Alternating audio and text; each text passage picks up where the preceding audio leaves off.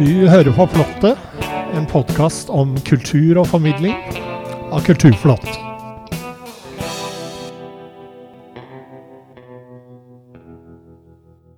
Denne julen har vi besøk av hele 29 artister. De gir oss innblikk i det de liker aller best musikk, formidling og kreativitet. I Flottet har vi også en full adventskalender denne gangen. Hver dag får vi en tekst om mytene ved julen, skrevet og fremført av forfatter, dramatiker og mytolog Terje Nordby. Så her er det mye å glede seg til, folkens. Mitt navn er Bård Andersson.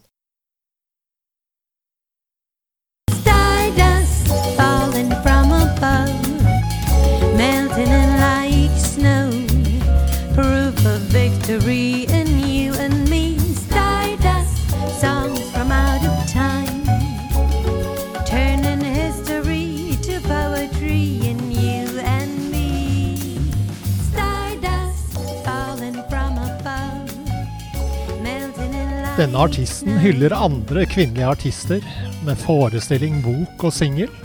Og snart kommer turneen. I dag har vi med oss selveste Hilde Louise Asbjørnsen. Velkommen. Tusen takk. Du er jo aktuell med litt av hvert. Singelen, forestillingen og boken Stardust. Og turneen kommer snart. Gratulerer.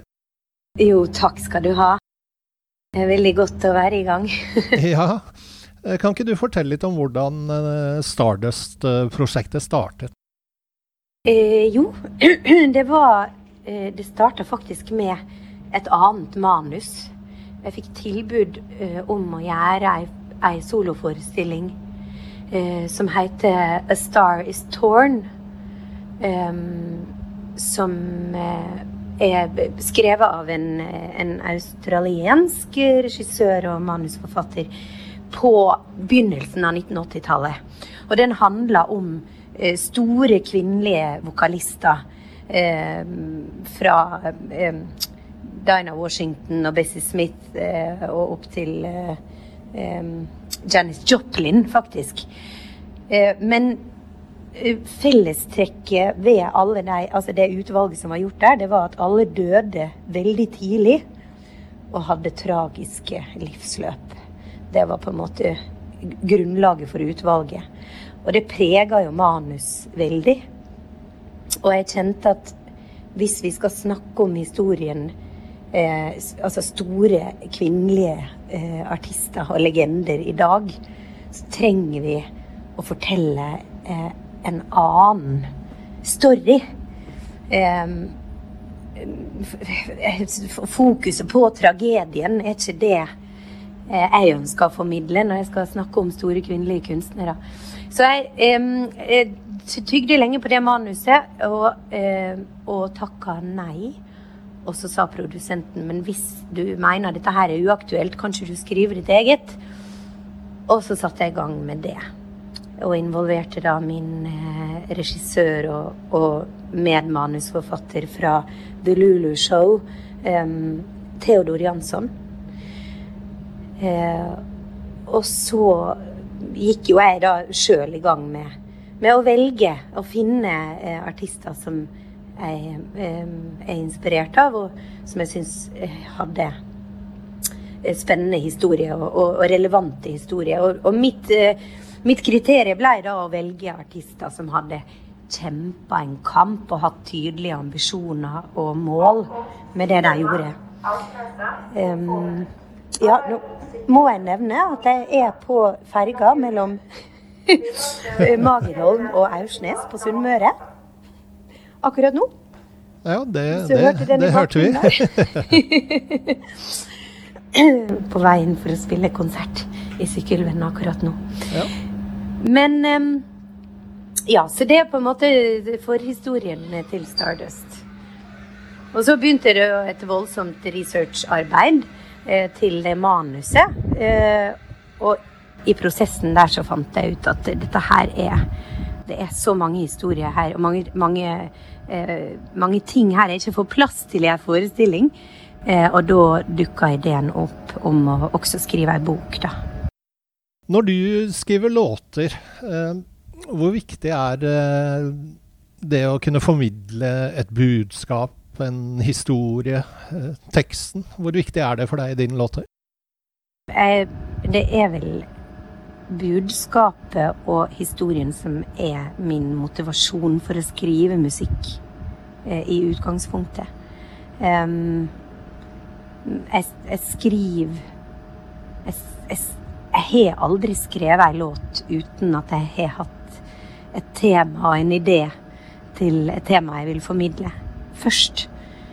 Så veldig ofte så begynner jeg med ei, eh, ei tekstlinje, en idé, en eller annen uh, strofe.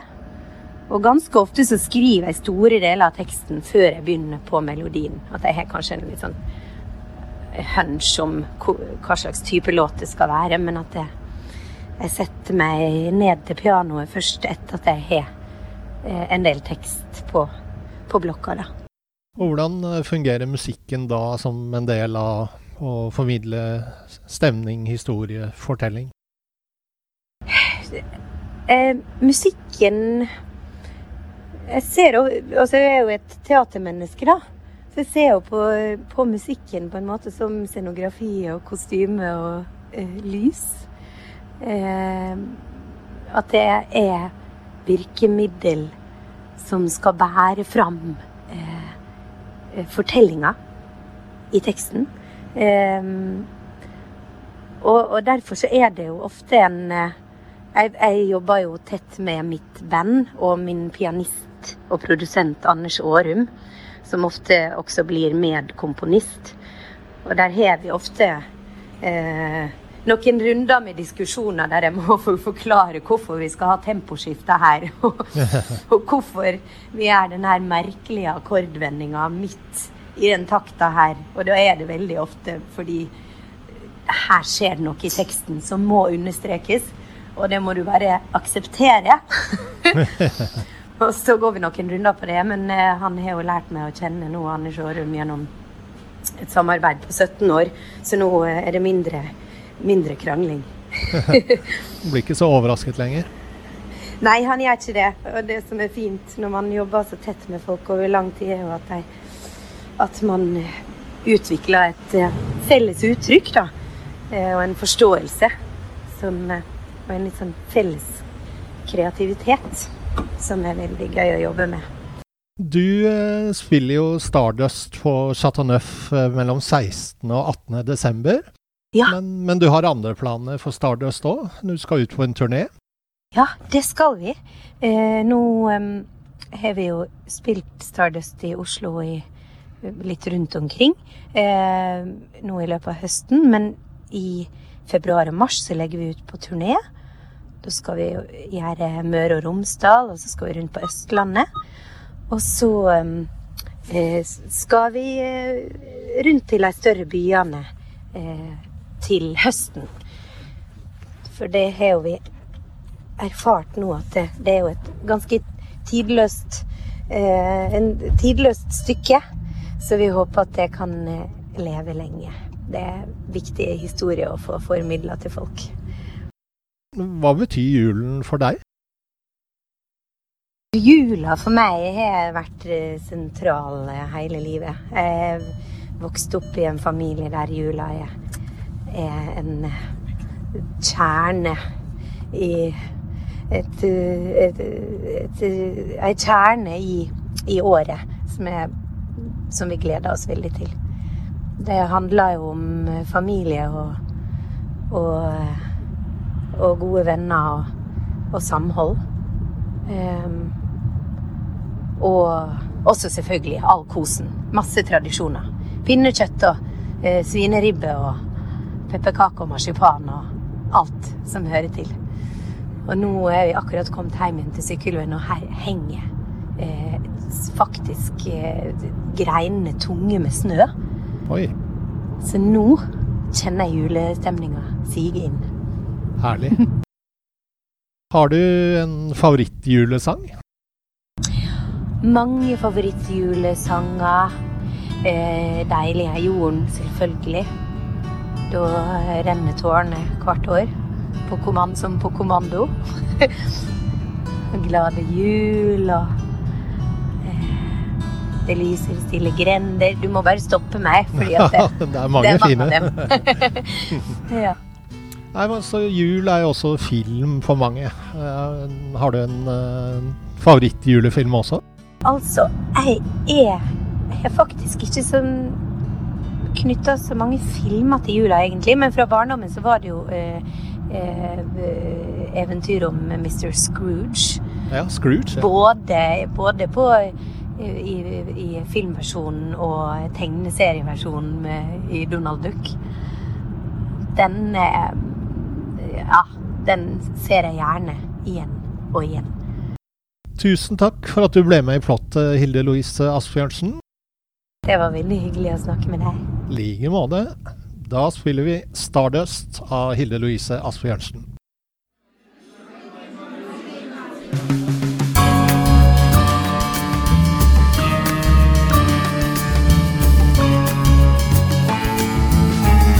She exploded into air a hundred thousand light years away.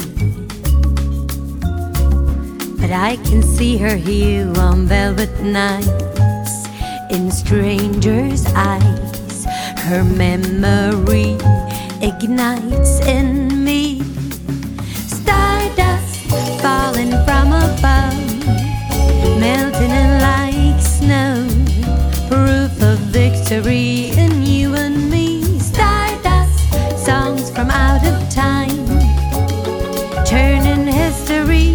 poetry in you and me.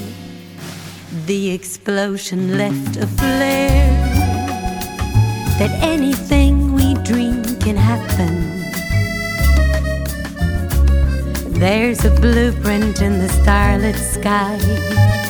When novas die, their lights descend when heartbeats end.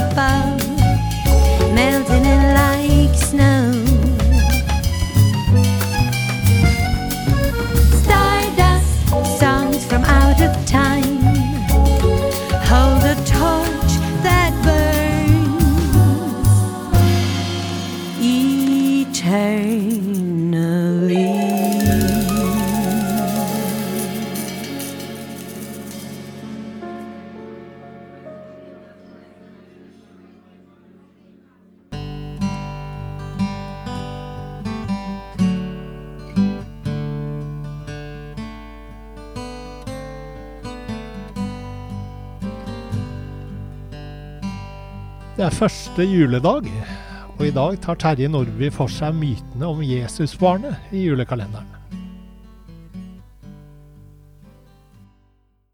Uavhengige historiske kilder bekrefter at Jesus var den jødiske rabbi som i perioden før tempelet ble ødelagt av romerske hæravdelinger, trakk til seg disipler med sin lære, ble dømt som oppvigler og bedrager av prester og myndigheter i Jerusalem, og henrettet.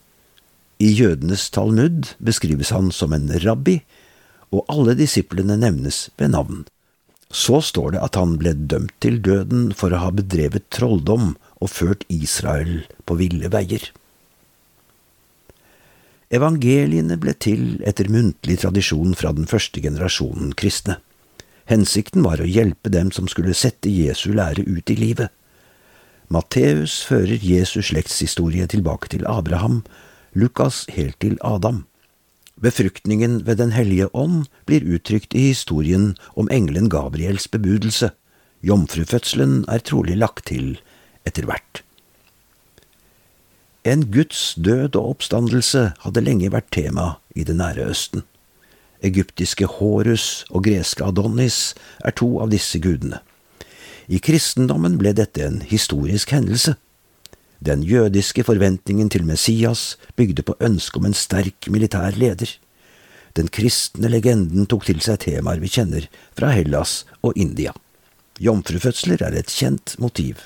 Javé kom til Maria i form av en engel, slik Sevs kom til Leda i form av et gullregn.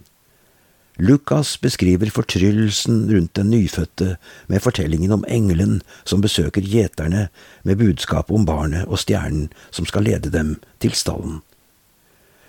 Gjetere spiller en tilsvarende rolle i den persiske lysguden Mitras fødsel. At Herrens herlighet lyser om englene, er også et persisk motiv. Slik står glorien om den høyeste guden. Matteus gjengir en helt annen stemning rundt samme begivenhet.